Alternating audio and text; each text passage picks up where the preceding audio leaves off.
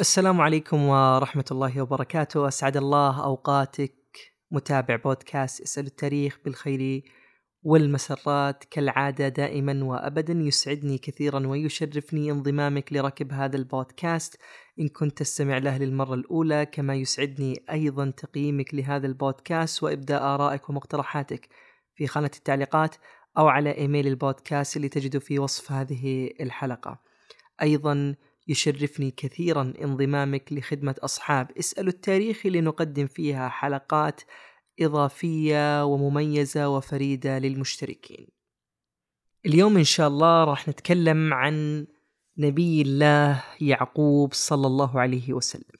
يعقوب هو ابن إسحاق ابن إبراهيم عليهم السلام جميعا. وأمه هي رفقة بنت بتوائيل بنت ناحور بن آزر. آزر بعض المؤرخين اللي هو والد إبراهيم يسمونه تارح وناحور هذا قيل إنه هو أخ إبراهيم عليه السلام. فيعقوب عليه السلام هو أبو الأسباط والأسباط كما هو معروف هما يعني اثني عشر سبط وهم أبناء يعقوب عليه السلام. طبعا كما هو معلوم أن يعقوب عليه السلام يطلق عليه لقب إسرائيل وإليه ينسب شعب بني آه، إسرائيل وكما قال الله سبحانه وتعالى في كتابه الكريم أعوذ بالله من الشيطان الرجيم كل الطعام كان حلا لبني إسرائيل إلا ما حرم إسرائيل على نفسه. من قبل أن تنزل التوراة قل فأتوا بالتوراة فاتلوها إن كنتم صادقين. فإسرائيل هنا هو مثل ما ذكرنا يعقوب عليه السلام وقيل أن معناه في العبرية روح الله فكل بني إسرائيل ينسبون آه، إلى مثل ما ذكرنا إلى يعقوب عليه السلام اللي هو إسرائيل فبالتالي اليهود يرجعون إليه. ويروى انه يعقوب صلى الله عليه وسلم ولد في أرض الكنعانيين اللي هي كانت أرض فلسطين. وفي تلك الفترة يعني شب في كنف أبيه اللي هو إسحاق وأمه أمرته امرا عجيبا وغريبا في ذلك الوقت. أمرت أن يسافر إلى خاله لابان في أرض يقال لها آرام من أرض بابل بالعراق وأن يقيم عنده ويسكن هناك. السبب في هذا الطلب الغريب اللي طلبت والدة يعقوب أن يذهب ابنها إلى خاله لابان في أرض العراق بابل مثل ما ذكرنا لأن أخاه العيص كان قد توعد أن يبطش به فخافت عليه أن يقتل من قبل أخيه. وفعلا استجاب يعقوب عليه السلام لأمر والدته وذهب يريد أن يدرك خاله في العراق. وهو في طريق سفره أدركه المسافة يعني استراح فيها في موضع معين ونام فيه. وفي نومه رأى رؤيا. هذه الرؤيا كانت أن الملائكة يصعدون إلى السماء وينزلون ورأى أن الله سبحانه وتعالى يخاطبه ويقول له إني سأبارك عليك وأكثر ذريتك وأجعل لك هذه الأرض ولعقبك ولعقبك من بعدك. فلما صحى من نومه سر كثيرا بهذه الرؤيا وفرح فيها كثيرا. ومن شدة يعني سروره وفرحه نظر لله سبحانه وتعالى أنه سيبني له بيت يعبد فيه في ذلك المكان. وفعلا ذهب إلى إحدى الأحجار الموجودة في ذلك المكان وصبغ عليها بدهن حتى يتعرف عليها ويبني المكان اللي يعبد الله فيه أو معبد في ذلك المكان. وسمى ذلك الموضع بيت إيل أي معناه بيت الله. وهو في عصرنا الحالي ووقتنا الحالي ما يسمى ببيت المقدس بالمسجد الأقصى. كان هو هذا المكان اللي رأى فيه الرؤيا والذي وضع فيه هذه العلامة والذي بناه فيما بعد ذلك يعقوب عليه السلام. آه، آه، أقصد يعني بنى فيما بعد آه، بيت المقدس. بعد ذلك أكمل يعقوب عليه السلام سفره إلى أن وصل إلى خاله في أرض العراق. ووجد عنده في ذلك الوقت ابنتين الأولى والكبرى يقال لها ليئة بعض الأحيان يعني تنطق بنطق آخر ليا فأيا كان يعني آه، ليئة أو ليا وهذه طبعا بنته الكبرى وكانت ابنته الصغرى آه، والأصغر منها سنا هي راحيل.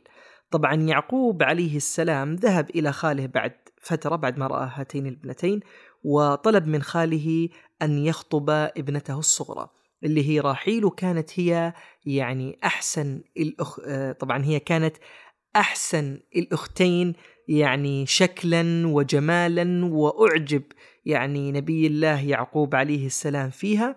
طبعا وافق خاله على أن يزوجه بنته ولكن مقابل شرط. هذا الشرط كان أن يخدم يعقوب عليه السلام سبع سنين يرعى لخاله الغنم. وافق يعقوب عليه السلام وفعلا مضت هذه السنوات وعندما جاء الوقت الموعود صنع خاله اللي هو خال يعقوب مائدة من الطعام وجمع الناس عليها وزف ابنته إلى يعقوب. ولكن البنت اللي زفها لم تكن راحيل بل زف ابنته الكبرى ليا أو ليئة مثل ما ذكرنا. طبعا ليئة كانت ضعيفة العينين وكانت يعني غير جميلة آه، مقارنة بأختها اللي أصلا يعقوب عليه السلام أراد أن يتزوجها وكانت حسناء جميلة. فلما أصبح يعقوب عليه السلام إذ بها ليئة. فذهب مباشرة إلى خاله وقال له لماذا يعني فعلت هذا بي ولماذا غدرت بي وكان اتفاقنا على أني أخذ رحيل؟ هنا جاوب والد أو خال يعقوب والد البنتين وقال له أنه من سنتنا أنه لا نزوج الصغرى قبل الكبرى ولكن إن أردت راحيل الصغرى فلا مانع لدي أن أزوجك إياها ولكن بشرط أن تخدم وترعى لي الغنم سبع سنين أخرى. فوافق وقتها يعقوب عليه السلام وفعلا بعد سبع سنين تزوج من راحيل وجمع له خاله ما بين الأختين. طبعا يجب أن يعلم أن ذلك كان في شريعة بني إسرائيل. في ذلك الوقت يعني أحله الله ولكن بعد ذلك نسخ كما هو الحال أيضا في آه، الشريعة الإسلامية الغراء. أيضا نسخ آه، أو بالأصح حرم هذا الشيء. ولكن مثل ما ذكرنا كان عند اليهود وعند يعقوب عليه السلام في ذلك الوقت يعني مباحا وحلالا. طبعا والد البنتين وخال يعقوب عليه السلام لابان اللي ذكرناه أهدى ابنتيه جارية لكل واحدة من بناته فوهب إلى ابنته الكبرى اللي ذكرناها ليئة آه، وهب لها آه، جارية تدعى زلفى ووهب أو زلفى أي الله أعلم يعني النطق الصحيح لأنه بعض الأحيان يعني وهذه كمان يعني نقطة آه، مهمة. بعض الأحيان لما تقرأ في مثل هذه الكتب لا يكون يعني يوجد تشكيل حركات على هذه الأسماء. فيكون اجتهاد شخصي يعني في نطق هذه الأسماء لكن إن شاء الله أنه نطقناها النطق الصحيح وإن لم تكن النطق الصحيح يسعدني يعني كثيرا أنه آه، تذكر لي النطق الصحيح إن كان عندك يعني آه، علم بهذه الأسماء. اللي يهمنا نرجع إلى محور حديثنا وقصتنا فلابان أهدى لكل بنت من بناته جارية وهب لبنته الكبرى اللي ذكرنا ليئة اللي هي زلفة ووهب لبنته الأخرى اللي هي راحيل جارية أخرى تدعى بلها.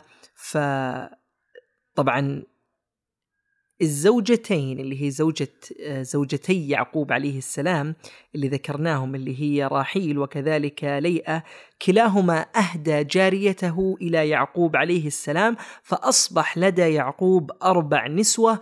هؤلاء الأربع نسوة هن أمهات أبناء يعقوب الاثني عشر اللي سماهم الله سبحانه وتعالى أسباط.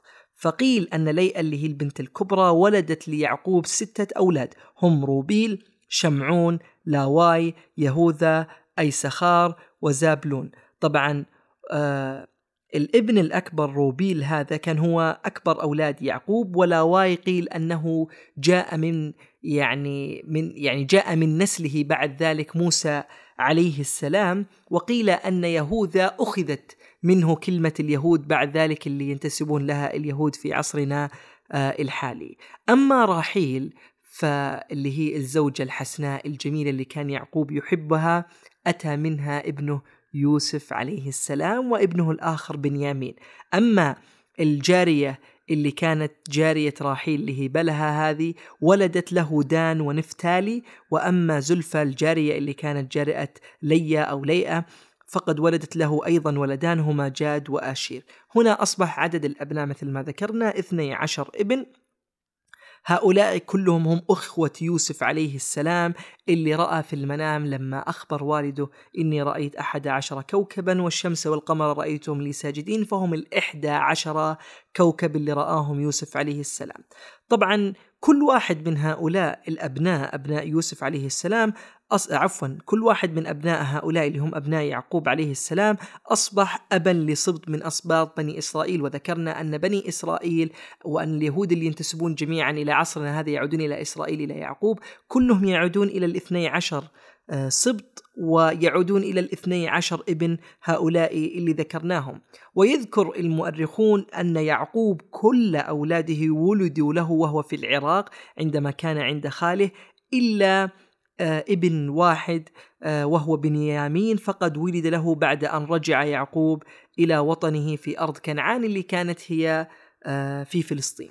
طبعا فقد يعقوب صلى الله عليه وسلم بصره حزنا على يوسف عليه السلام وإن شاء الله إن آه، كان يعني آه، إن أعطانا الله عمرا إن شاء الله وكان في يعني متسع من الوقت نذكر فيما بعد إن شاء الله في حلقة منفردة قصة يوسف عليه السلام وكيف مكر إخوة يوسف به وكيف أدى هذا إلى أن يفقد يعقوب عليه السلام بصره حزنا وبكاء وعلى فقدانه ليوسف بعد أن طال الغياب وزاد الألم. من حبه ليوسف حتى أن الله سبحانه وتعالى إلى أن ذكر في كتابه فلما أن جاء البشير وألقاه على وجهه فارتد بصيرا فعاد بصر يعقوب عليه السلام واجتمع مع ابنه يوسف في مصر. وقيل أن يعقوب صلى الله عليه وسلم توفي بعد أن وصل عمره أو بلغ عمره 147 سنة وهذا كان بعد 17 سنة من التقائه واجتماعه بحبيبه وابنه يوسف عليه السلام. ولكن يعقوب صلى الله عليه وسلم أوصى يوسف ابنه الحبيب وصية وهو أن يدفنه مع أبيه إسحاق لأنه ذكرنا أنه اجتمع مع ابنه في مصر وفي قصة يوسف المعروفة فاجتمعوا في مصر ولكنه أوصى ابنه أنه إذا مات أن يدفنه بجوار والده أو بجوار والده نقصد والد يعقوب ألا وهو إسحاق ولكنه هو جد يوسف عليه السلام وفعلا لما حضرت الوفاة يعقوب صلى الله عليه وسلم سار به يوسف إلى فلسطين ودفنه عند أبيه في مدينة الخليل. كانت هذه قصة نبي الله يعقوب عليه السلام. إلى هنا عزيزي المستمع تنتهي هذه الحلقة أستودعك الله الذي لا تضيع ودائعه دائما وابدا كن بخير في أمان الله.